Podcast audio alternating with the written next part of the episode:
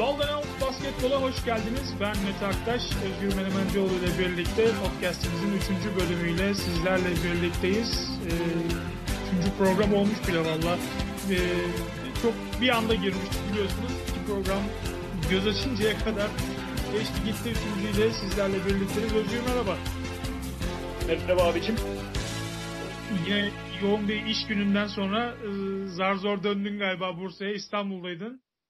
Aynen aynen abi. Bayağı araba kullandıktan sonra geldik. NBA beklemez. Çok biliyorsun çok aksiyon, hareket dolu bir e, dönemden geçiyoruz. Çılgın gibi bir şey kaçırmayalım diye. Oturalım podcast yapalım dedik. Aynen. Çok da müjdeli bir haber oldu biz yayına girmeden hemen önce. NBA'de evet. oyuncuların merakla beklediği, sabırsızlıkla beklediği bir olay gerçekleşti. NBA bu sezon oyunculara marihuana testi yapmayacak. Evet, evet gerçekten bayağı bir halaya duran oyuncu vardır tahmin ediyorum. Bunun şeyinden abi. Yani O.J. Mayo tekrar şeye başlamış, idmanlara başlamış diye duydum. O.J. Mayo ile Tyreek Evans abi. Ee, dönerler herhalde bu durumda. Yani, e, bu sene bitiyordu galiba onun e, cezası. Bu evet, sezon evet. bitiyor galiba.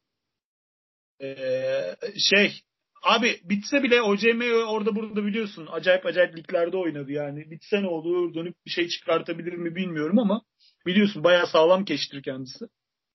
Ondan sonra e, ama bu sene en azından bunun olmayacağını öğrendik. Tatlı bir haber oldu bizim açımızdan. Varsa oyuncuların içerisinde tutturan herhalde memnun mutlu partiye hazırdırlar diye düşünüyorum. Ya artık biliyorsun zaten Amerika'da birçok eyalette de e, yasak kalkıyor yani esrar yasağı. Yani biz gene marihuana diyoruz ama bildiğiniz esrar. Evet. Ee, yasağı kalkıyor. Sean Kemp dükkan açtı biliyorsun. Al Harrington bununla ilgili ciddi bir kariyer yaptı. Yatırım yaptı oyunculuğundan sonra. Ee, şey yani NBA oyunculuğundan sonra ikinci kariyer olarak birçok oyuncu e, esrar işine giriyor. Yasal marihuana işine giriyor. Ben şeyden Lateral Sprewell'den bekliyorum abi öyle bir iş. Benim adamımdır kendisi sağlam biliyorsun her yol var adamda. İnşallah ondan da böyle bir atraksiyon görürüz yani. Toptan hani biz bu işin ticaretini toptan yapıyoruz hesabı. Arkadaş girer diye düşünüyorum. Büyük insanmış. Yeni eski tayfa bilmez belki. Şey yeni tayfa. Lateral Screw bunları diye bir şey açabilir. Marka açabilir. Kral. Neyse hadi bakalım. O zaman e, esas konularımıza gelelim. E, NBA hazırlık başladı 1 Aralık'ta. Covid-19'un gölgesinde başladı diyebiliriz herhalde. E, kampların başlangıcında hani ligde bulunan 546 oyuncunun tamamına Covid-19 testi yapıldı. Ve e, yapılan 546 testten 48'inde e, Covid-19'a rastlandı. Gerçi tabii bu herhalde normal. Sonuçta bubble'da aldıktan sonra ki oyuncular işte hani herkes evine döndü. Onun dışında 9 aydır yatan oyuncular vardı. Herkes bir tarafta sonuçta e, çok dikkat edilmedi tabii. Dolayısıyla aslında beklenen bir şeydi herhalde. E, çok normal tabii. E, herhalde bütün takımlar, bütün GM'ler e, bunu sezon başında tahmin ettiler. Bayağı şey yapıldı, two-way kontrat yapıldı. Bu senenin rookie'lerine baktığınız zaman bayağı anladığım kadarıyla 60'ından 60 tanesine 55 tanesiyle kontrat yapıldı diye biliyorum e, bayağı bir G-League e, e, doldu yani takımlarda ve e, bu sene bayağı bir G-League oyuncusunu NBA'de göreceğiz gibi gözüküyor. E, şey bu olacak yani takımlar sürekli yeni rosterlarla, yeni kadrolarla göreceğiz her maçta. Çünkü bu e, aşı eğer kesin olup uygulanana kadar e, böyle bu hareketlilik devam edecek NBA'de abi. E, playoff'ta gene bir bubble görebiliriz. Yani ne olacağı belli değil. E, ama e, sonuçta NBA'in NBA yönetimine daha önceki uygulamasından dolayı güveniyoruz. Doğru kararları alacaklardır. Bu işlerin adamlar gerçekten bilen insanlar. Yani dünyaya örnek oldular. Zaten ekonomileri de bunu yapmaya yeterli. e, NBA sezonu ne olursa olsun devam edecek yani görünen bu. Şimdi 139 sayfalık bir sağlık ve güvenlik protokolü adı altında bir e, şey gönderilmiş takımlara. E, 118. sayfasında hani ben de şöyle bir göz attım. 118. sayfasında e, hani zaten bunu belirtiyorlar. İşte staff'ın bir kısmı oyuncularda veya işte e, takımla ilgili başka isimlerde Covid-19'a rastlanma ihtimali tabii ki var biliyoruz ama e, işte ufak çaplı şeylerden dolayı e, maçlar ertelenmeyecek veya 2020-21 sezonu ertelenmeyecek. Yani e, düşen asker olursa kalan sahalarla yola devam edilecek. Evet. Bu şu e, şuna e, olmayacak şu anda. Doğru. Bu şöyle bir sonuca e, sebep olabilir. Bayağı yeni isim görebiliriz. İsmini az bildiğimiz veya ilk kez duyduğumuz G-League oyuncularının NBA'de şans bulacağını, hani kendisini gösterenler için hani kariyer yolunun açılacağını falan görebiliriz. Yani çok şans gelecek oyuncu olacak bence. Yani LiAngelo Ball'ların falan imzalanmasının nedeni bu aslında. Hani tabii çok dalga geçildi. Ben de bayağı tepki gösterdim aslında sosyal medyada. E, Detroit biliyorsun LiAngelo Ball'la imzaladı ama sonuçta G League için, G League hedefiyle e, hani sonuçta e, kadrolar belirlendiğinde muhtemelen kadroda almayacak ama o G League'i de bir şekilde tutmak lazım. Tabii biraz da e, Liangelo Ball'unki e, Ball kardeşlerin üçüncü parçası olarak ve aslında içlerinde en iyi şutör olarak gözüken isim olmasına rağmen yani fiziksel olarak hakikaten e, yani hem fizik olarak hem de oyun e, anlamında belki de içlerindeki en yeteneksizi. Hani onun bile şu anda kendisine kadroda bir şekilde yer bulduğu bir dönemden bahsediyoruz. E, bu şeyi de etkileyecek tabii abi. Yani bu Euroleague, Euroleague'in beklediği bir takım oyuncular gelir gider. Hani es biliyorsun G şey yapan serbest bırakılan oyuncularda. Hepsinin bir şansı olduğunu düşündükleri için Avrupa hareketlerinin biraz azalacağını düşünüyorum ben. Yani e, kalbur üstü oyuncuların tamamı G League'de kalmayı tercih edecekler. Çünkü NBA şansları olacak böylece.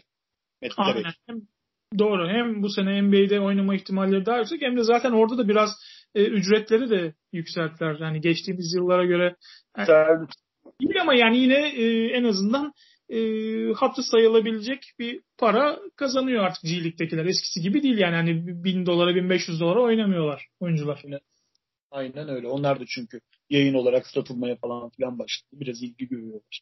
Yani e, e, Avrupa basketbolu açısından e, iyice zorlaşan, e, çok elek altı oyuncuların e, oynadığı bir şey haline geldi.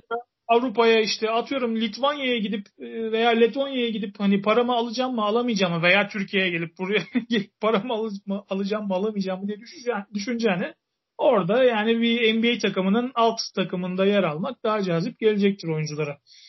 Ee, özellikle bu sezon tabii yani Covid'in kol gezdiği, insanların pek yerinden o, e, ayrılmak istemediği bir ortamda e, oyuncular da belki Avrupa'ya gelmeyi daha önceki yıllara göre daha az tercih edecektir diyeyim ve istersen şöyle bir şey de söyleyelim dinleyicilerimize.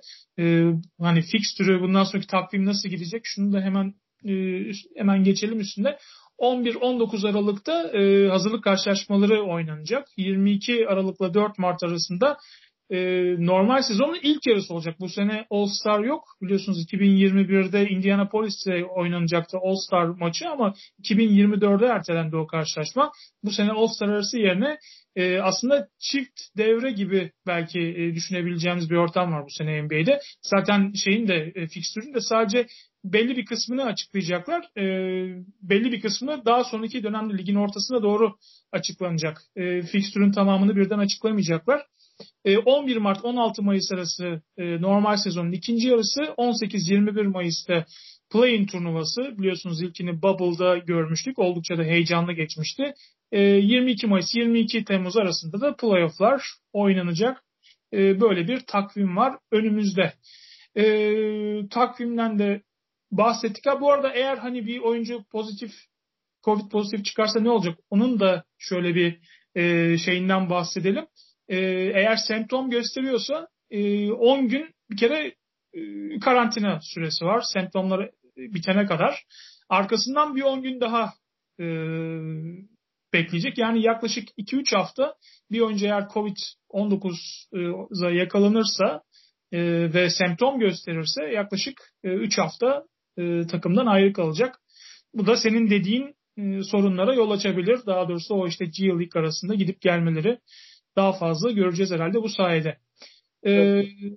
O zaman gündemimizin esas ilk maddesine geçelim istersen. Russell Westbrook, John Wall takası e, geçtiğimiz haftaya damgasını vuran en önemli gelişmeydi. Houston Rockets, Russell Westbrook'u e, takımdan gitmek istediğini açıklayan ve takasını isteyen Russell Westbrook'u Washington Wizards'a takas etti. John Wall ve e, Washington'dan alacağı 2023 yılına ait korumalı bir birinci draft e, birinci tur draft hakkı karşılığında. E, hemen lafı uzatmadan sorayım sana. Sence kim kazandı bu takasta? Yani şöyle e, abi bak bu takasta kimin kazandığını şuradan anlayabileceğiz.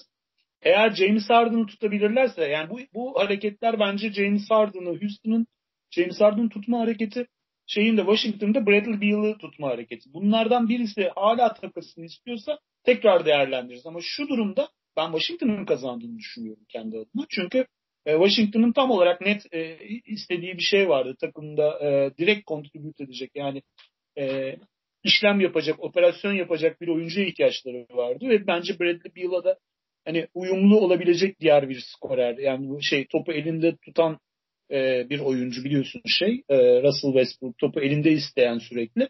E, Bradley Beal da illa topa ihtiyaç duymayan ama topla da tabii çok çok başarılı olan, iyi olan bir arkadaşımız. Ama bence uyumlarının iyi olabileceğini düşünüyorum ben. Diğer seçeneğe göre, John Wall, James Harden seçeneğine göre. Çünkü James Harden hiçbir şeye ihtiyacı yok. Yani öyle bir oyuncuya da ihtiyacı yok. Ne Russell Westbrook'a var, ne James şey şey John Wall gibi bir hani işte point guard'a ihtiyacı var. Yani o kendi oyununu oynuyor zaten kendi çapında. Hani ben bunu şeye bağlıyorum tamamen. Ee, şimdi James Harden şeyle oynamak istemiyordu Russell Westbrook'la abi. Burası net herhalde sen de katılıyorsun bunu. Tabii. O, onun yerine John Wall'u tercih ettiği ortada adam. Yani hani bu tamamen Harden'ı tutabilme manevrası şeyin. Houston çünkü Houston Russ'tan kurtulmak istiyordu. James Harden'ı tutmak istiyordu. Yani hareketin başı bu. Yani buna göre verilmiş bir karar. Ve oraya buraya anladığım kadarıyla 5-6 takıma da Russell Westbrook'u sunmuşlar takas şey olarak. Fakat bizim Orkun'un dediği gibi sadece tek bir kişiyle şey yapabilirlerdi, takas edebilirlerdi bunu. Ee, o da John Wall kontratı yani. Hani yapılan şeyin çok basketbolla da birebir alakalı olduğunu düşünmüyorum ben. Tamamen kontrattan kurtulma, kontratları değiştirme şeklinde yapılan bir işlem. Ee, yani, yani benim, de aslında Pardon devam et sen. Yok yok benim şeyim bu. Yani kanaatim bu şekilde. Yani e, John Wall oynayabilecek mi? Oynayamayacak mı? Abi nasıl dönecek? Yani sonuçta e, o sakatlıktan geriye dönmek de çok zor. E, geriye döndüğü zaman John Wall'u John Wall biz biliyoruz. E, sen çok iyi biliyorsun. John Wall e, sakatlanmadan önce de zaten leş bir oyuna dönüşmüştü oyunu. Yani hani John Wall ne yapıyordu ki abi sakatlanmadan önce? Adamı kontratı gibi tamam mı? Adam böyle yavaş yavaş franchise killer bir adam olmaya dönüşmüştü. E, ondan sonra da sakatlandı zaten. Yani şimdi Houston'da ne yapacak ki adam yani? Ya Onun zaten sakatlandı. Üst üste iki kez sakatlandı. Yani e, baktığın zaman Aralık 2018'den beri NBA'de forma giyemedi. E, önce sol topunda bir ameliyat olmuştu e, işte kemik parçaları o işte bone spurs diyorlar yani o ufak şeyleri e, aldırmıştı. Bir ay sonra da aşili zaten patladı. Yani e, atletizme dayalı, patlayıcılığa dayalı yani NBA'in hani 1.96 boyunda olmasına rağmen en hızlı oyuncularından biri. Belki de ilk ismiydi oynadığı dönem, sağlıklı olduğu dönemde. Yani evet. iki sene yattıktan sonra ve ağır bir sakatlıktan sonra o patlayıcılığına e, kavuşacak mı? Açıkçası çok büyük bir soru işareti. Yani Houston açısından gerçekten büyük bir soru işareti. E, o atletizmine, o patlayıcılığa sahip olmazsa John Wall oyununda birçok defekti olan bir isim. Yani Russell Westbrook'la şut performansı açısından e, oldukça benzer. Yani saç baş yoldurabilen bir oyuncu. E, Russell Westbrook gibi. Ha biraz daha akıllı. Wall en azından nerede şut kullanacağını hani oyunun güçlü tarafını biliyor. Russell Westbrook biliyorsun. Yani e, o dört dörtlük bir oyuncu olarak görüyor kendini. O şutlarını o e, hani ill advice dediğimiz şutları kullanmaktan hiçbir zaman çekinmiyor. E, Jamal biraz daha oyun aklı olarak daha sakin en azından tabii şeye göre. Yani daha derli toplu. E, Russell Westbrook'a göre. Ama hani Harden'la uyumu hakikaten nasıl olacak? Orada ciddi bir soru işareti var. Yani İkisi de top elinde olmasını isteyen oyuncu. Yani e, nasıl Russ'a göre daha şeydir biliyorsun yani. Çünkü e, e, Russ varken iki Harden'la oynuyorlardı yani. Evet. Hani evet. pas vermeyi falan bilmeyen iki tane Harden'la. E, Wall en azından sağ generalidir yani iyi kötü ama Harden'ın buna ihtiyacı var mı abi yani? Harden zaten kendi şutunu yaratan bir adam. Pas üzerinden oynayan bir adam değil ki yani. John Wall'u ne yapacaklar yani? Onu onu soruyorum zaten yani. Yani dediğin gibi burada e, Harden'ı tutmak için bir hamle ama zaten Harden biliyorsun şu anda şeylere de bireysel e, o e, idmanlara falan da katılmamış. Yani takımdan da kendisini uzak tutuyor. Yani gitmek istediği çok aşikar. Yani bu sadece e, işte şey yani Westbrook'la Harden'ın yan yana oynamayacağını gördükten sonra çaresizlik içinde biraz yapılmış bir hamle sonuçta. Ee, olabilecek yani, tek milyon evet. dolar John Wall 130 milyon dolar kazanıyor. Yani önümüzdeki 3 sezon için ikisinin de kazançları hemen hemen aynı. Dediğin gibi yani Orkun da bunu söyleyerek zaten bunu düşünerek o tahminde bulunmuştu. Yani kont iki tane dev kontrat. Bunları takaslamak kolay değil. E, dolayısıyla hani ideal e, takas parçası ikisi birbirine takas ettiler. Yani e, Wizards'ta ben ben de sana katılıyorum. Wizards burada daha e, karlı olan taraf. Yani e, bir, e, bir şey ekleyebilir miyim? E, tabii, Bu şeyde e, Russell Westbrook'un e, Washington'a gitmesinde abi Scott Brooks olayı da var. Scott Brooks e, Aynen. daha önceden çalıştı biliyorsun. Hani belki de en verim alan koçlardan bir tanesiydi diye hatırlıyorum ben yanlış olmasın. Yok, ee, yani bu bu sonuçta bahsettiğimiz adam lig MVP'liği olan e, işte 8-9 kere ol, şey ol, ol NBA olmuş falan bir oyuncu yani nihayetinde. Doğru kullanırsam ben Rast nefretini sen bilirsin. Hiç hoşlanmam oyuncu olarak. Ama ve lakin doğru kullanırsan sonuçta işte Washington gibi gelişen bir takımı en azından sana 8-10 maç kazandırabilecek bir adam. Yani ben şeye göre John Wall hikayesine göre şey e, manevrasını daha başarılı buldum. E, bu arada tabii şeyi biliyorsun. John Wall sakat. Şey Boogie Cousins geldi. O da sakatlıktan nasıl dönecek belli değil abi. Tamam mı? Yani bu takım Houston e, tam rebuild, rebuilding'e gittiler yani. Hani e, onun için onlar otursa bile ne olacak ki yani takımda? Şu anda hiç beklenti yok. GM'in ilk senesi, koçun ilk senesi. Herhalde bir kredileri vardır diye düşünüyorum bunların. Ya ben hala e, Houston'ın sezon başlamadan Harden'ı takas edeceğini düşünüyorum. Yani Harden'ın bu hamleye rağmen ben kalmak isteyeceğini düşünmüyorum. E, ikna ettikler gibi geliyor bana ve e, bir şekilde Harden buradan gitmek istiyor ve takasını isteyecek ve bence sezon başlamadan e, Harden'ın buradan gideceğini göreceğiz gibi geliyor bana. Bu arada evet. tabii Westbrook geçen sene hani Houston'dan ayrılmasının nedeni evet hani Harden'la uyumsuzluğu ama şanssız da bir dönem geçirdi aslında biliyorsun. Hani Covid öncesi çok iyi bir süreç de yakalamıştı. İstatistiksel anlamda gerçekten çok iyiydi. Ee, ama işte hani hem e, Covid sürecine yakalandı hem e, adelesinden sakatlandı. Hani biraz orada şey günah keçisi de oldu tabii. Çok kötü oynadı ama e, biraz talihsizliklerde peşini bırakmamıştı Westbrook'un. Ama Wall, Wall'la kıyasladığında daha hazır tabii. Abi bak e, şey Russell Westbrook'un oyunu playoff basketboluna uygun bir oyun değil. Tamam mı? Yani Russ normal sezonu oynar oynar oynar triple double ortalama yapar. Tamam mı? Playoff'a geldiği zaman abi onun oyun stili uygun değil. Hele bir tane Russ değil iki tane Russ varsa ya da iki tane Harden varsa bir takımda tamam mı? Bu playoff esnasında takımın çözülmesine sebep oluyor. Bu onların da suçu değil. Oyun tarzları böyle. Harden'ın da böyle. Hani Harden ve onun etrafına ona uygun şekilde kurulacak bir takım olduğu zaman Batı finali de oynuyorsunuz. Tamam mı? Ama iki tane Harden'da olmaz yani. Onu demek istiyorum. Rast da öyle. Yani Rast sonuç olarak e, kahraman olmak isteyen, günün kahramanı olmak isteyen bir adam en sonunda. Olamıyor da. Savunma e, defektlerine sebep oluyor. E gördün Houston'ı yani şeyde dün geçen programda da söyledik. Turnike yediler yani. E, dört tane, beş tane üst üste boş turnike yediler. Yani şimdi sonuç olarak sen takımın yıldızıysan, en fazla parayı alıyorsan bu takımda e, bunların sorumlusu da en sonunda sen oluyorsun ama. Doğru. Şimdi burada seçiyorlar işte Harden mı, Russ mı? Houston da diyor ki ya ben Harden tutmaya çalışıyorum, Russ'ı göndermeye çalışıyorum. Bu karar verilmiş zaten. Yani şeyin özeti, takasının özeti budur abi. Doğru.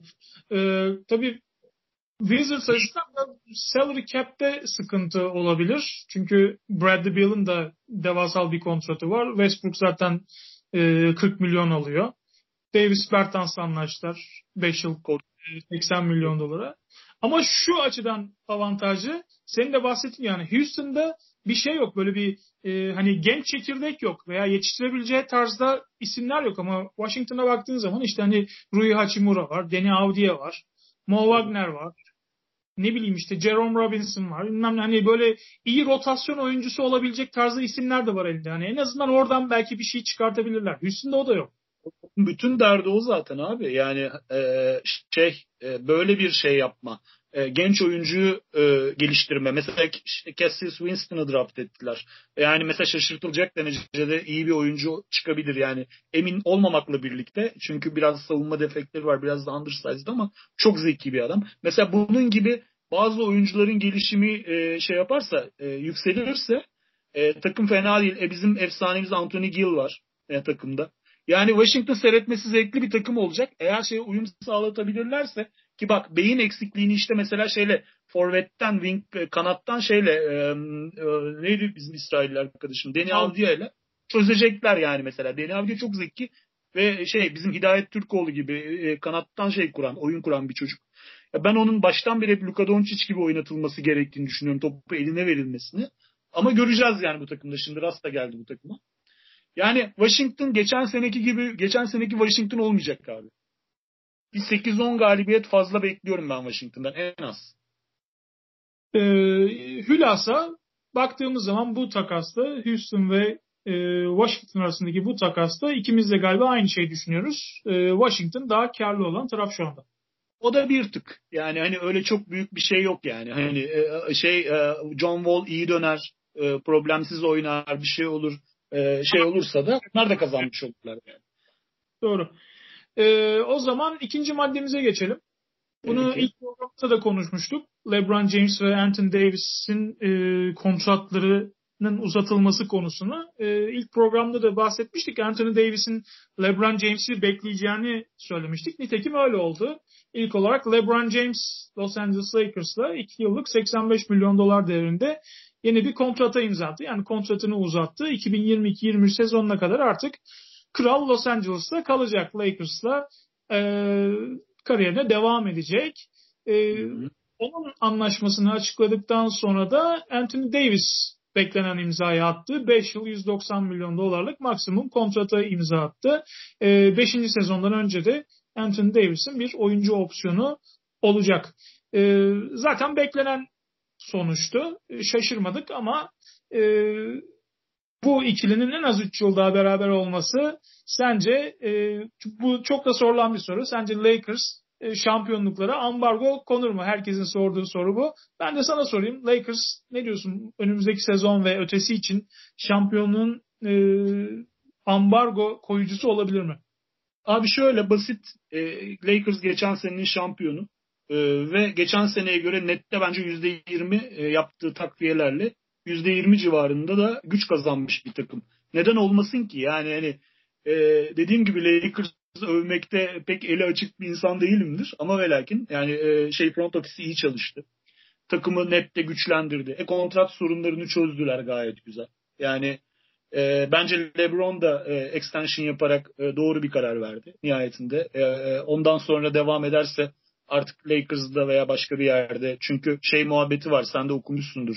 E, Şemsi yazdı Şemsi var ya bu şey oğlunun mezuniyetiyle e, e, e, denkleştirdi iki yıl e, kontratını. Çünkü üç yıl sonra Brony liseyi bitirecek. Hani bu e, bir yıl e, üniversite oynaması gerekiyor ya veya overseas oynaması gerekiyor. O kural kaldırılacak.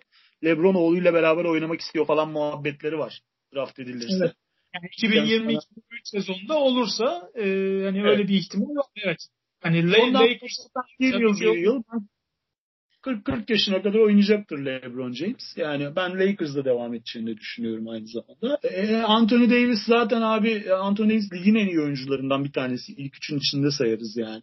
E, şey e, muhabbetini okudum. Sen mutlaka görmüşsündür. Yani Jabbar ve Elgin Baylor'dan sonra e, şey ilk sezonunda e, şey e, o NBA 5'ine seçilen ilk Lakers oyuncusu oldu. Bu da güzel bir şey bence. E, core çok sağlam. Üzerine işte takviyeler yaptılar. Kol gibi e, 3-4 oyuncu getirdiniz. Yani gayet iyi bir takım oldu bence. Ambargo abi bak oynanmadan lig e, bitmez ama ve lakin kağıt üzerinde Lakers e, şampiyonluğun bir numaralı değil şey gibi geçen programda da söyledik. Diğerleri onun altındaki tiyerde. Tek aday var bence. Yani karşısına bir takım çıkartamıyorum ben doğrusu. Güç denge olarak. Öyle. Yani Tam da açık ara. çıkartamıyorum. Batı'da da çıkartamıyorum. Çıkartamıyorum. Lakers, Lakers yani diğer takımların %20, %30 üzerinde bence şu anda. Zaten bütün şeylerde de bahis odlarında da çıkacaktır bu şekilde. Yani ben benim şampiyonluk adayım Lakers. Seneye de bu gidişle Lakers. Çok büyük kimya sorunları yaşanmazsa takımda. Deniz Schroeder gibi bol hog bir arkadaşı nasıl yerleştireceksiniz takımı bu çok önemli. Yani onu doğru yerleştirebilirse ki ben şeyin çok beğeniyorum Frank Vogel'ı koç olarak. Bayılırım herife yani. Bu işlerin adamıdır. O yüzden hani Lakers'ın önü açık yani hiçbir şey kalmadı önünde. Engel Şu kalmadı. An pek soru işareti de değil de e, hani programdan önce de konuştuk. Kyle Kuzma'nın durumu extension o da bekliyor ama öyle gözüküyor ki Lakers ona bir extension vermeyecek ama kontrat sezonuna giriyor tabii. Biliyorsun NBA'de e, oyuncular kontrat sezonuna girdiği zaman inanılmaz işleri imza atabiliyorlar. Hani doping yemiş e, koşucu gibi olup enteresan işlere imza atabiliyorlar.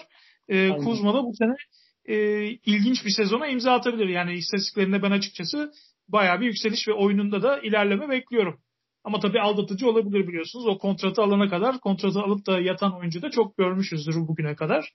Ee, ne diyorsun Kuzma sence o beklenen patlamayı bu sezon yapacak mı? LeBron James de bayağı e, kendisini pohpohluyor bu ara. Evet.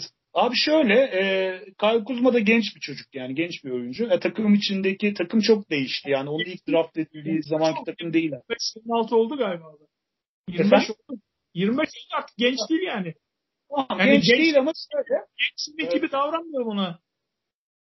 Yani şeyle Tatum, Tatum'larla aynı senede draft oldu diye hatırlıyorum. Üçüncü sezonu yani. Üçüncü sezonunu bitirdi diye hatırlıyorum. Şey, e, takımdaki rolünün ne olacağı ile ilgili geçen sene bayağı bir e, bocaladı. Ama bence bu sene takımdaki rolü oturacak.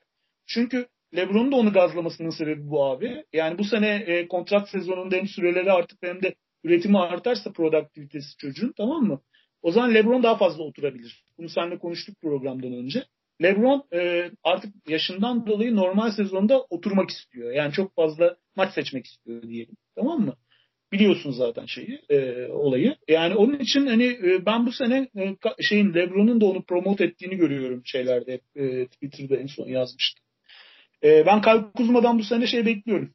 Yani e, en çok gelişme gösteren oyuncu adaylarından bir tanesi olabilir Kyle Kuzma. Ben çok beğeniyorum bu arada. Ya ben de hani LeBron'un bu kadar onu e, promote etmesinin nedeni yani herif gerçekten yetenekli. Çok yetenekli. Evet. Yani yetenekli. O, hem e, şey olarak yani mental olarak kendisini bir kademe yukarı atabilse e, gerçekten müthiş potansiyelli. Yani süperstar potansiyeline belki hani o belki bir tık altına gelebilecek tarzda bir oyuncu. Hani süperstar olmaz ama yani çok iyi bir hani birkaç kez All-Star seçilebilecek bir kariyer geçirebilir. Abi bir de şöyle bak. Yani böyle bir sezonda yani Lakers bu çocuğa yatırım yaptı tamam Bu çocuğu takaslamadı. Yani e, başka başka genç yetenekli oyuncularını takasladı biliyorsun bunu tuttu takımda yani büyük yetenek olacağını. Şimdi bu sene gerçekten kendi yolunu çizeceği sene. İyi oynarsa Lakers buna bir şekilde kontrat verecektir öyle veya böyle. Tamam mı? Eğer iyi oynamazsa da bence artık yani buradaki görevini de tamamlamış, misyonunu da tamamlamış. Başka yerde şansını denemesi gerekiyor. Yani bu sene her şey onun kendi elinde. Yani bu sene onun bütün kaderini çizecek yani. Parlarsa ve hani Lakers'ta da kalmazsa özellikle e, hani böyle small market küçük pazar takımları için e, ideal bir hedef olacak. Aynen evet. saldıracaklar. Aynen. Hmm. Ve iyi para verecekler biliyorsun. New York, New York şöyle. Tabii. Geçelim Los Angeles'ın diğer takımına. Los Angeles Clippers'a e, geçen sezon biliyorsunuz büyük hayal kırıklığıydı. Playoff'larda yarı finalde elenip gittiler. 3-1'den verdiler seri Denver'a ve elendiler. Bu sezon tabii yine beklentiler büyük. İşte e, birçok değişiklik oldu. Koç değişimi oldu. Ee, Ama hani e, Los Angeles Clippers organizasyonu aslında şu anda sanki biraz kaynayan kazan gibi. Hani belki çok dışarı yansımıyordu bugüne kadar ama The Athletic'te e, Yovan Buha'nın yaptığı bir haber biraz ortalığı karıştırdı. Yani Los Angeles Clippers'ta özellikle geçen sezon takıma katılan Kawhi Leonard ve Paul George'un e, diğer oyunculara nazaran daha farklı davranıldığı ve e, bazı ayrıcalıklar tanındığı, bunun da takımda iç huzursuzluğa yol açtı ve geçen sezonki e, başarısızlığın altında da e, bunların faktör olarak e, ön plana çıktığına dair bir haber yaptı Yovan Buha. İşte Kawhi Leonard ve Paul George'a özel korumalar, antrenörler tahsis edildiği, e, işte Kawhi Leonard'ın özellikle takımın antrenman ve seyahat programını kontrol ettiği, ee, işte ne zaman oynayacakları, maçlarda ne zaman, kaç dakika oynayacaklarını süreyi kontrol etme gibi e, veya işte Kawhi Leonard özelinde Kawhi Leonard San Diego'da yaşıyor. E, hani takıma uzak ve bu yüzden hani bazı idmanları kaçırdı. İdmanların da bu yüzden geç başladığı gibi bazı haberler var ve bunun tabii özellikle takımın içindeki birçok isimde e, negatif etki yarattı ve takımın bütünlüğü ve takımın kimyası anlamında e, bazı sorunlara, sıkıntılara yol açtığı söyleniyor. Bu belki e, bir, hani halı altına süpürüldü geçen sezon ama şimdi 2020-21 sezonu öncesi bu geçen sezon yaşananlar ortaya çıktı. Tabii şimdi bu takımda geçen sezondan kalan birçok oyuncu var. Takımın çekirdeği aslında aynı. Ee, ne bileyim işte Patrick Beverly'ler, Lou Williams'lar hala bu takımda ve geçen sezonda mesela Lou Williams'ın e, şikayet eden isimlerden biri olduğu söyleniyor bu e, yapılan ayrıcalıklardan. E, nasıl etkilenir sence? Bu haber Clippers'ı nasıl etkiler? Abi şöyle söyleyeyim. Yani takımda kimya problemi olduğunu zaten seninle konuşmuştuk. Zaten bizim konuşmamıza da gerek yok. Bağırıyor. Yani o olay gözükme ortada yani. Fakat burada şöyle bir şey var abi. Yani ben e, bu tür e, e, yıldızlara ayrıcalık her yerde e, yapılıyor. Tamam mı? Fakat bu takımın içerisinde bazı big mouth arkadaşlar var. Büyük ağızlı. Tamam mı? Bunlardan bir tanesi abi Marcus Morris. Tamam mı? Marcus Morris'in olduğu takımda bu tür şeylerin e, sorun olacağını ben sana söyleyebilirim. Altından da o çıkar. Ben sana söyleyeyim. Çünkü Lou Williams kendi halinde bir heriftir. Bakma sen Lou tatlı bir heriftir. Lou Williams'ın ben çok sorun olacağını düşünmüyorum bu konuda. Morris'in bir şey söyleyeyim. Bir şey ekleyeyim. E, Morris'in de New York'tan geldikten sonra e, takımın üzerinde hani böyle işte ya bunu böyle yapın, şöyle yapın, böyle yapın diyerek özellikle ya sen daha bugün geldin hayırdır ne yapıyorsun sen kime akıl veriyorsun diye tepki gördüğü söylüyor. Mesela e, Zubac'a işte özellikle çok fazla çıkıştı. Zubac'ın da hani sen bugüne kadar ne yaptın ki hani de bana akıl veriyorsun. Ben bugüne kadar yaptığım şey doğruydu. Clippers'ta da iyi bir yerdeyim. E, hani ilk beşteyim yeri geldiği zaman. E, bana akıl verme gibi bir diyalog da geçmiş mesela aralarında. Yani bu burada Patrick Beverly ve bu ikisinin ciddi çıban başları olduğunu düşünüyorum ben abi. Tamam mı? Yani olayın içerisinde. Çünkü dediğim gibi sen de biliyorsun bunu. Yıldız oyuncu yıl yani şeyi seyretmedik mi abi? Michael Jordan'ın belgeselini seyretmedik mi yani? Michael Jordan'a diğer oyuncular gibi mi muamele yapılıyor? Yıldız oyuncuya yıldız muamelesi yapılır. Bu tür şeyler olur ama yani bunun oluşturulamaması, kimyanın oluşturulamaması hep bizim sana baştan beri söylediğimiz takımın içerisindeki yıldız sayılan adamların bir tanesinin karaktersiz olması bakınız Paul George, bir tanesinde silik bir adam olması bakınız Kawhi Leonard. Yani hop aga sizi hayrola diye, diyebilecek bir adam yok bunların içerisinde.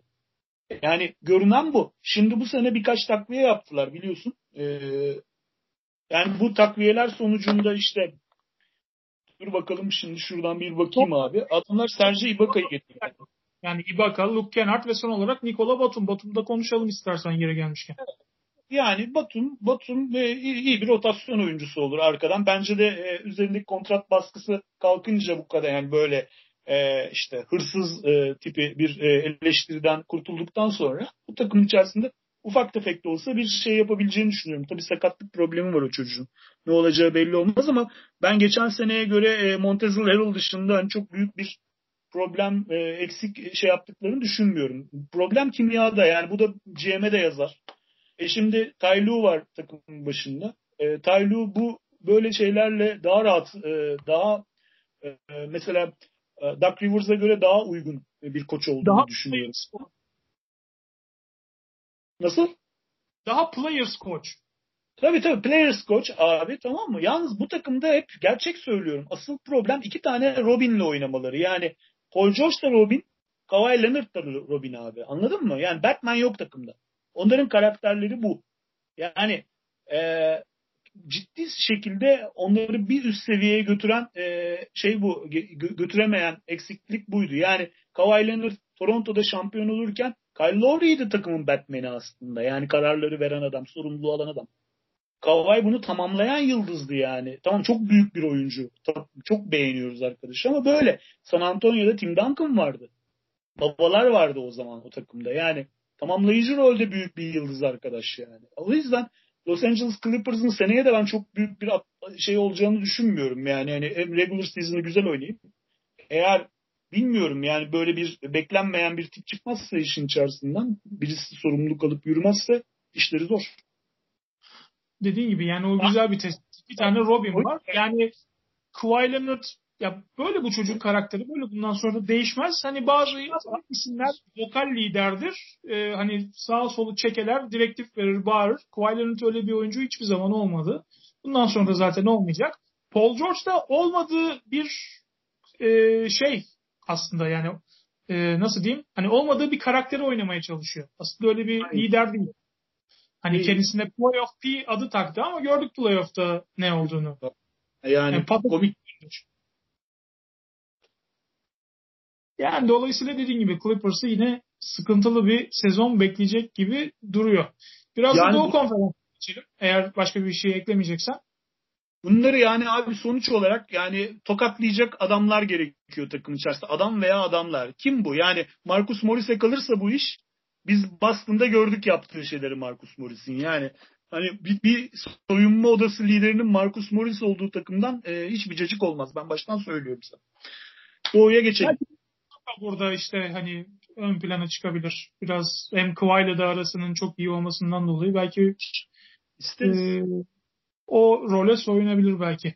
Yalnız Geçelim bir şey söyleyeceğim. E, Clippers'da Clippers'dan kopamıyoruz ama yani Patrick Beverly, Reggie Jackson, Kyle Bowman e, üçlüsü sence e, yani bir playoff koşusu için yeterli bir point kart şeyi mi?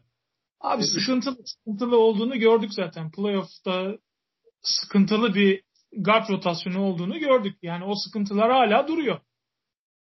Kimi getirirler bilmiyorum ama bir point kartı ihtiyaçları var yani. Besa Fakuk iyi olurdu bu takıma. Ben sana söyleyeyim örneğin.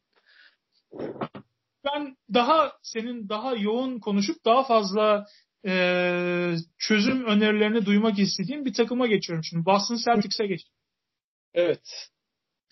Boston'da Gordon Hayward takası daha önce konuşmuştuk. Gerçekleşmişti ama bazı teknik detaylar vardı. Takas nihayetlendi. Celtics de karşılığında şimdi bir şeyler aldı en azından. Ne aldı? Ee, Gordon Hayward biliyorsunuz Charlotte Hornets'la anlaştı. 4 yıl 120 milyon dolara. Ee, 2023 ve 2024'e ait iki tane draft hakkı da gitmişti. Celtics şimdi e, karşılığında ne aldı? 2022 ikinci tur draft hakkı ki ilk 55 e, koruması var. Ama burada e, bir nokta var o çok önemli işte. 28,5 milyon dolar değerinde bir e, takas exception'ı, trade exception aldılar ki NBA tarihinin en büyük trade exception'ı bu. 28,5 milyon dolar. Şimdi soru şu tabii. Ee, Boston Celtics yaklaşık bir sene var bunu kullanacağı. Normalde bir sene ama işte bu takvimler değiştiği için belki bir seneyi biraz geçebilir diyorlar. Kullanma süresi, e, süresini bir seneyi aşabilir. Bu 28,5 milyon doları Boston Celtics kullanacak mı? Danny Ainge kullanacak mı? Yoksa e, ne yapacak? Yani bırakacak mı? Kullanmayacak mı? Soru bu. Ne yapacaksınız abi bu 28,5 milyon dolarlık trade exception'ı? Abi önce bir şeyi düzelteyim ya belki yanlış biliyorumdur sen de şey yaparsın. Şimdi bizim şeye verdiğimiz şeyden Charlotte'dan aldığımız e, şey e, ikinci tur hakkı şey e, Charlotte ilk 5'te bitirirse bu demek ki e, bu aslında böyle bir trade şey yok. E, draft hakkı yok aslında. Ya evet, aslında biraz hikayeden As- yalan bir Evet 28 buçuk 28 buçuk trade exception'ı aldık yani Gordon'u Gordon'u verdik. Ee, şimdi şöyle bence şeye kadar e, lig başlayana kadar bu bununla ilgili bir şey yapmayacaklar. Tamam mı? Yani takımın durumuna bir bakacağız. E, çünkü şey deneyinç böyledir. Akşam pazarlarına da bakar biraz. E, ama ve lakin e, ben hani bugün yarın böyle bir şeyin olacağını düşünmüyorum kendi adıma. Zaten E, kime gideceğiz buna? E, şeye James Harden'a gideceğiz herhalde. Yani öyle görülüyor. Yani James Harden. E, kim var abi? Belki ne bileyim. Kim? Bradley Beal'a gidersiniz. Bradley Beal, Bradley Beal bizim takıma sence olur mu? Blake Griffin'e gidebiliriz biz bence. Blake Griffin olabilir. Yani çünkü şimdi Detroit muhtemelen Blake Griffin'i güzel bir şey. Bakıyorum da ilk çıkan isimleri söylüyorum sana. yani hani şu şu var yani şu anda bir şey yapacaklarını düşünmüyorum ben bu şeyin içerisinde çok çabuk diyelim. Ee, yani bekliyoruz şu anda bizim aslında bir tane bir dört şeyine takviyesine daha ihtiyacımız olabilir. Dört beş bence. Çünkü e, Kemba Walker, Jeff Teague götürür şeyi. E, point guard'ı götürür. Jeff Teague iyi bir veterandır biliyorsunuz zaten tamam mı? Yani bence bu rolde üretim de yapacaktır. Tabii şimdi Kemba sakat. E, Ocak ayında dönecek diye. Değil mi? Doğru doğru biliyorum. Doğru. Ocak dönecek diye şey yapıyorum. Yani işte, ya, tabii, Ocak işte. İşte Jeff Teague e, ve Carson Edwards, Tremon Waters bunlar duruyor şeyde. Marcus Smart bir numara oynayabilir. Oynayacaktır da zaten. Ondan sonra yani şöyle e, bizim kadromuz abi geçen seneye göre işte gençlerin gelişimine bağlı. E, gençlerden dediğim şeylerden, Jay kardeşlerden bahsetmiyorum. İşte e, Romeo Langford bence çok büyük yatırım yapılan bir çocuk ve eğer sakatlıktan doğru dürüst dönebilirse yine elimden sakat arkadaş. E, Romeo Langford'a çok büyük bir şey verdiler, yatırım yaptı takım. Efendim söyleyeyim Grant yani Ojele'den bir şey olmaz. Ojele'yi geçelim. Ee, şey e, Grant Williams Grant Williams'a yatırım yapıldı. Robert Williams Time Lord'a yatırım yapılacak. Bu arkadaşlar gelişirse Boston doğu finaline doğru yolcu. Ee, Tristan Thompson şeyi e, iyi bir e, e, hamle bence savunma açısından. Ben severim Tristan Thompson'ı. Bence takıma da uyum sağlayabilecek bir arkadaş. Zaten başka şeyleri, e, defektleri başka yönden. Sen de biliyorsun. Sağ ee, şeyler bekliyoruz ama artık Tristan Thompson geldiğine göre e, Jenner'larla beraber ve diğer e, şey sosyetiklerle beraber böyle güzel bir Boston Celtics magazin ekibi olur herhalde artık geçen geçen programda konuştuk. Bizim takım fazla donuk bir takım haline geldi. Böyle şeyler faydalı, güzel oluyor. E, medya ilgisi çeker. Yani abi şöyle Jason Tatum ge- gelecek sene herhalde MVP e, şeyine sıralamasında adı geçebilecek bir, bir e, oyuncu.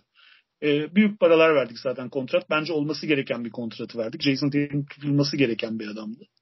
E, yani şey takım takım e, bu senenin bu senedeki durumu eğer takaslamazsak Kemba Walker'a bağlı. Kemba geçen seneki gibi sıçarsa abi şeyde playoff'ta e, biz yine aynı yerlerden döneriz. Yok e, Kemba düzgün oyna maksimum kontrat alan bir oyuncu e, kontratının hakkını ver, verirse e, Boston Celtics'te doğu finalisti olarak görüyorum ben.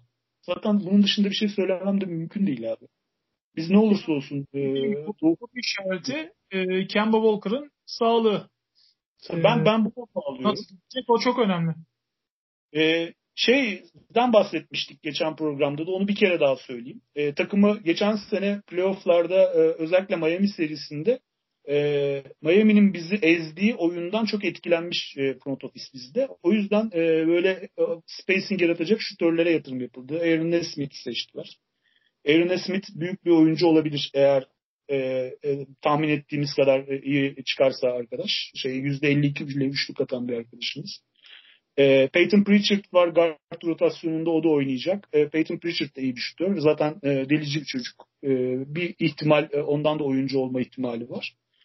E, yani Boston Celtics'ten umutsuz değiliz. Geçen seneye göre bütün ben şeylere e, Boston Twitter'a bakıyorum. E, herkes işte %67, %68, %70 geçen seneye göre güç kazandığımızı söylüyor. Ben eşit veya biraz yukarıya olduğunu söylüyorum. Çünkü Gordon Hayward büyük oyuncuydu. Yani saha içindeki beyindi. Bizim takıma beyin e, koymamız lazım. Yani bu beyin şu anda Jeff Tick gibi gözüküyor. O mu yani? yani anlatabildim mi ne demek istediğimi? Yani, yani hani e, Jeff boş, Tick... Kemba Walker yokken o boşluğu doldurur ama tabii bir e, takımı full götürebilecek tarzda bir oyuncu değil. Bu da artık Geçen seyrederken sen bastığını görürken şimdi bak biz neyi konuşuyoruz? C, işte takımın core çekirdek oyuncularını işte J Brothers diyoruz. J kardeşleri. Marcus Smart'ı söylüyoruz. Tamam mı? Bu oyuncular takımı oynata, oynatan, takım içerisinde tempoyu ayarlayan, düşüren, yükselten, bu beyni koyan adam var mı? Değil. Bunlar özellikle şeyler Jalen ve Jason Tatum son topu kullanan adamlar. Ya top ona dönecek ve yaratacaklar. Bunda da çok iyiler. Tamam mı? Ama takımla takımı lead edecek adamlar değil. Gordon Hayward öyle bir adamdı. İyi kötü. Özellikle formdayken. Şimdi bu gitti. Yerine e, doldurabileceğimiz beyin olarak getirdiğimiz adam Jeff Teague. Yani ben o şey gibi Boston Twitter kadar çok biz çok e, kuvvet kazandık, güçlendik tarafında en fikir değilim. Ben geçen seneki seviyemiz yani öyle bir abartı bir öyle yüzde altmış yüzde yetmiş bir güç kazanmış bir durum yok yani Boston'ın öyle bir şey olarak söylüyorum. Yani yüzde 67'si 68'i biz güçlendik diyor. Yüzde 32 33'ü geçen seneye göre daha kötüyüz diyor. Yani o anlamda şey yanlış olmasın. Yani ben geçen seneye göre ya aynı ya daha kötü olduğumuzu düşünüyorum. Takım şu andaki kadro açısından.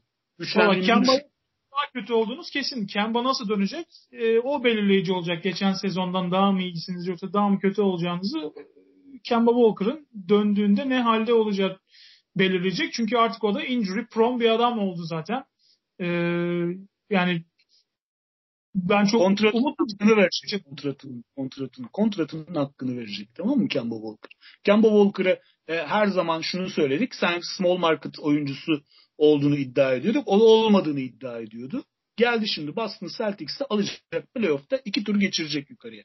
Kontratının hakkını verecek. Yoksa Kemba Walker'da franchise killer olarak e, adlandırılır. iki sene içerisinde bunu nereye takaslasak diye çıldırmaya başlarız yani.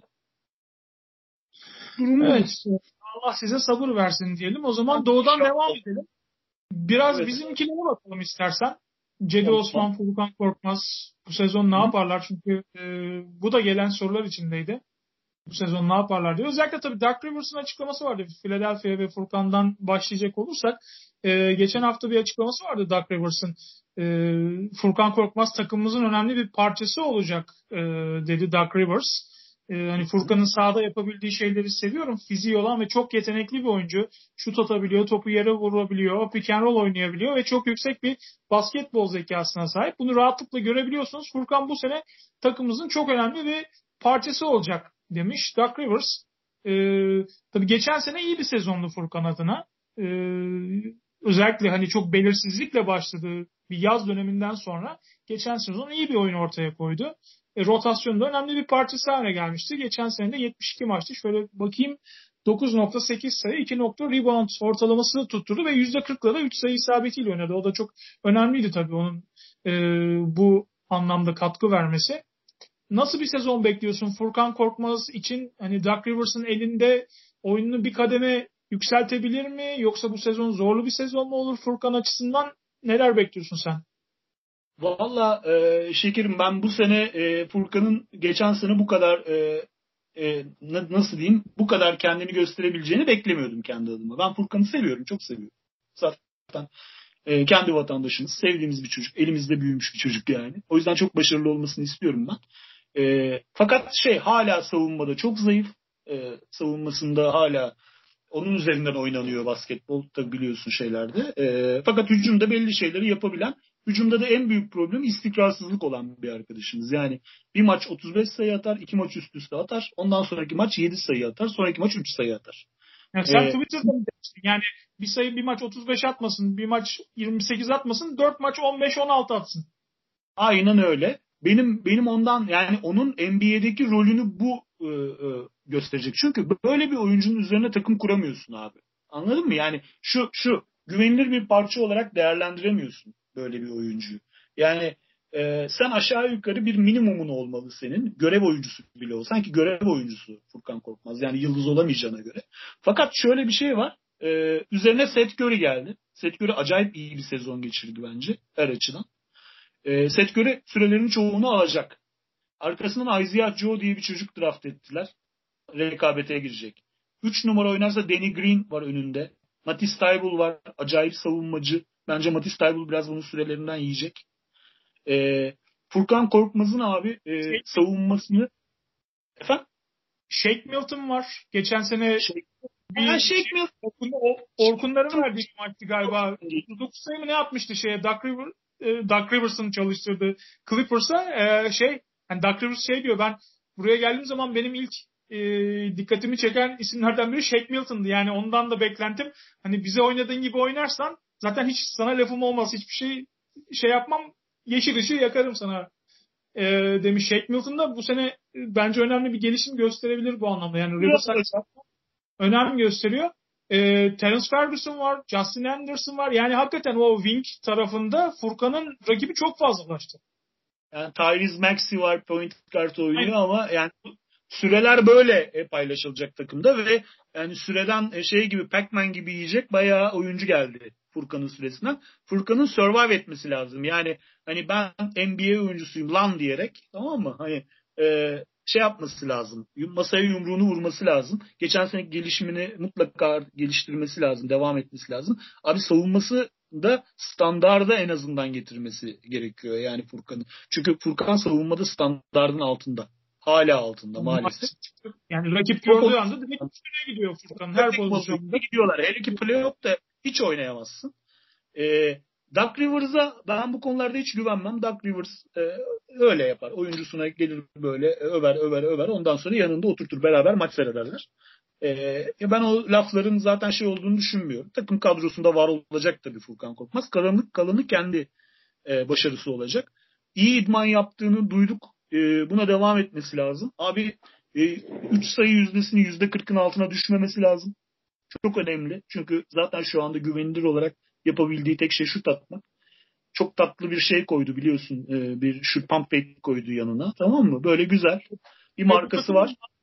3 sayı ihtiyacı var. Yani bu takımın en büyük sıkıntılarından biriydi. İstikrarlı 3 sayıcılar.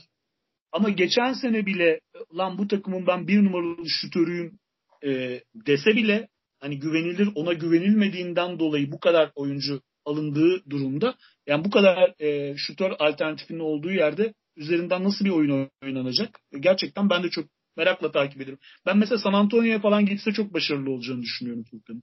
Sistem içerisinde e, iş görecektir yani. E, Buradaki yazdığı şey free agent. Yani dolayısıyla onun için de kritik bir sezon bu sezon kendisini göstermesi açısından.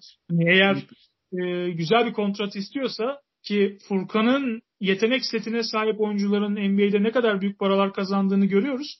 Dediğin gibi eğer istikrar yakalarsa hücumda o %40'ın altına gitmezse 3 sayıda ve biraz da savunmasında bir standart getirebilirse istikrar kazanırsa hakikaten Furkan'ın önü açık. Yani sen de dediğin gibi hiçbir zaman ondan bir star olmasını beklemiyoruz ama iyi bir rol oyuncusu olarak, bir rotasyon parçası olarak NBA'de uzun yıllar var olabilir. Marco Bellinelli kariyeri onun için yeterlidir. Ya yani böyle bir şey görmeli kendisinde. Ee, uzun biliyorsun kaç senedir NBA'de oynuyor adam. Yani, yani Marco Bellinelli iyi bir kariyer oyuncu. Şimdi geri döndü İtalya'ya. Evet. Yani ama kaç yani herhalde 8-10 yıl oynadı diye biliyorum. Marco 13 sene, 13 sene. Yani şey e, uzun NBA kariyeri. Adam da artık bırak bırakmadan önce döndü yani hani şey İtalya'ya. Ee, yani Furkan'ın Furkan'ın işi şey böyle abi. Evet Cedi Osman'a geçelim. Yani o da e, onun da pozisyonu bu sene Cleveland'da e, şey biraz doldu. E, orada bir rotasyon kalabalığı oluştu kısa forvet pozisyonunda.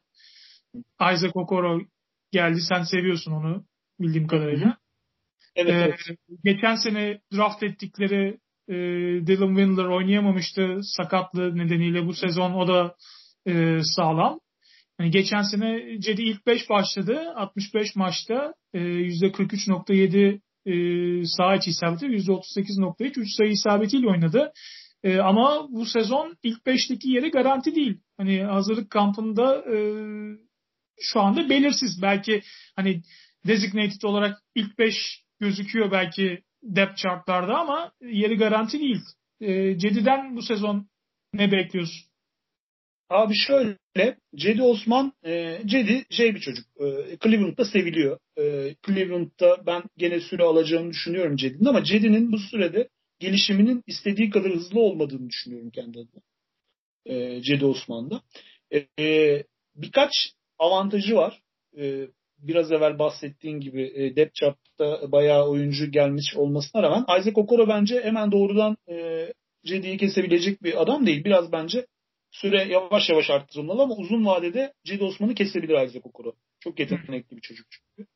E, Kevin Porter Jr. var. O pozisyona doğru kayabilir. e, kendi manyaklıklarından e, şey yaparsa e, normale dönerse arkadaşımız biraz rahatsız bir arkadaştır e, Kevin Porter. Yani basketbol oynamaya karar verirse 2-3 oynayabilir. E, geçen sene daha şey yaptı. E, bench'ten geldi. Bir dönem 2 oynattılar falan filan. E, fakat şey e, Bickerstaff var işte bu sene tekrar şeyde bu koçları. Bence çok şeydir o da. E, o, yani şunu söylemeye çalışıyorum abi. Cedi Osman'ın şansı hala çok var. Yani onu kesebilecek süper bir e, e, small forward gelmedi şeye Cleveland'a. Tamam mı? Yani, geçen sene geçen sene çok daha iyi bir Cedi Osman iz, izlemeliydik bence. Yani o takım çok uygun.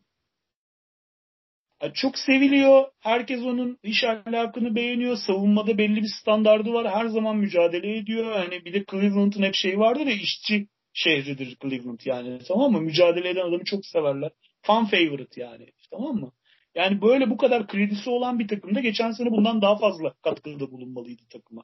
Yani bu kadar. Ama işte abi burada da yani iki tane manyak gardın eline bırakılmış bir takım. Darius Garland'la Colin Sexton zaten birbirinin lezzet ikizi. Tamam mı? Ya bunlar takım oynatan adamlar da değiller baktığınız zaman. Yani e, ben hala şunu merak ediyorum. Kevin Love bu takımda ne yapıyor hala yani? Çok merak ediyorum yani. Abi Bak tam, işte Kevin Love, Andre Drummond. Halı sahada vardır ya böyle abiler arkadan oyun kurar. göbekli göbekli böyle. Libero, libero abiler böyle.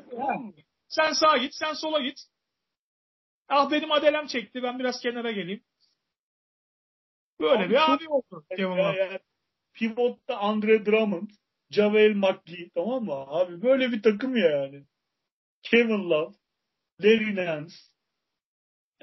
yani ama kısalar mesela böyle bir acayip yani. Darius Garland. Ee, Colin Sexton, Kevin Porter gibi duran bir şey değil mi? Yani ön alan ve arka alan. Ki yani o kadar uyumsuz ki takım. Yani Cleveland böyle otur seyret yani. 30'a 40'a bağlarlar yani.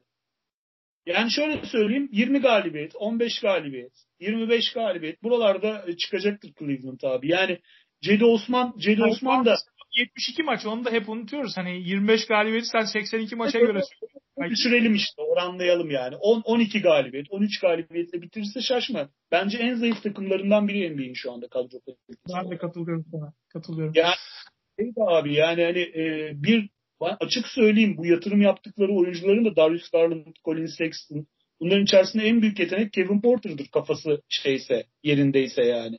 Hani bu kadro o kadar ki. Evet e, Özgür o zaman bitirelim istersen. Tamam abi. E, epey evet. de konuştuk yine laf lafı açtı. E, aşağı, aşağı yukarı her şeyi konuştuk. E, aynen. aynen. Gündeki e, başka bir şey kal. Marihuana'yı bile konuştuk abi. yani daha, daha ne şey yapalım. Daha ee, ne olsun. Evet yani e, FA piyasasında bundan sonra çok büyük bir e, şey olacağını düşünmüyoruz. Tabi hala yolcu olabilecek birkaç kişi var. İşte James Harden konuşuluyor dediğim gibi.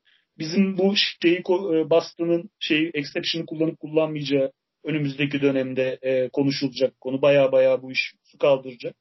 Ondan sonra şeyden dönen oyuncular var. E, Covid'den dönen oyuncular nasıl uyum sağlayacaklar? Şu e, yaz ligi oynanmadı. E, rookie'ler nasıl uyum sağlayacak? Bence çok kötü bir birkaç ay, bir ay geçirecek rookie'ler. Yani bu şeyler, e, draft edilen oyuncular. E, yani bunlar bunları takip edeceğiz işte. Çaylaklar. Çaylakların durumu çok fena olacak. Çok fena. Yani uyum sağlamaları çok zor olacak. Çünkü formayı bile ilk kez hazırlık maçında giyecekler. Yani bakıldığı zaman bu yaz ligi falan bir şekilde şey yapılıyordu. Ee, şey yaparız. Önümüzdeki hafta yeni gelişmeler olursa konuşuruz Mete. Ee, tabii tabii. Ağzına sağlık abi. Ee, teşekkür Eyvallah. ederim. Ben de teşekkür evet. ediyorum sana. Ee, yorgun argın yine geldin, konuştun. Bir saate yakın konuştuk. Çok teşekkür ediyorum. Ee, bizden o zaman bu haftalık bu kadar diyoruz. Ee, Bolt and Out Basketbol'dan veda etme vakti. Bir sonraki programda görüşmek üzere. Hoşçakalın. Oradan gireyim sonra öyle kapatalım. Kaç tamam. yaşında saçlık kaybettin Mete Bey? Valla tam, tam olarak mı diyorsun? Ya benim tamam. hala saçım biraz ya. tamam bir o biraz haline kaç yaşında geldi abi? 30 diyelim 30. 30. 30. Ben, benim 22 abi. Ben ezelden beridir kelim. o ne abi 22 yaşında ya? Ben üniversitede bile geldim. Seni öpüyorum. Kel Akşam kel diyorum. bile diyebilir misin yani? Efendim? Kel doğdum bile diyebilirsin diyorum. Bizim benim soyadım Menemencioğlu. İnternetten Google'a bakın bir tane saçlı yoktur. Bizim sülalemiz geldi zaten. Neredeyse doğuştan geliz. Hepimiz ait. Bu ismi koymadık. Se- Tabii. Seni öpüyorum. Çok teşekkür ediyorum. Ağzına sağlık abi. Dinleyenlere Eyvallah. de teşekkür ederiz. Ee, sizlerle beraber varız. Kolay gelsin. Aynen. Teşekkür ediyoruz bizi dinlediğiniz için. Ee, Bir sonraki programda görüşmek üzere. Hoşçakalın.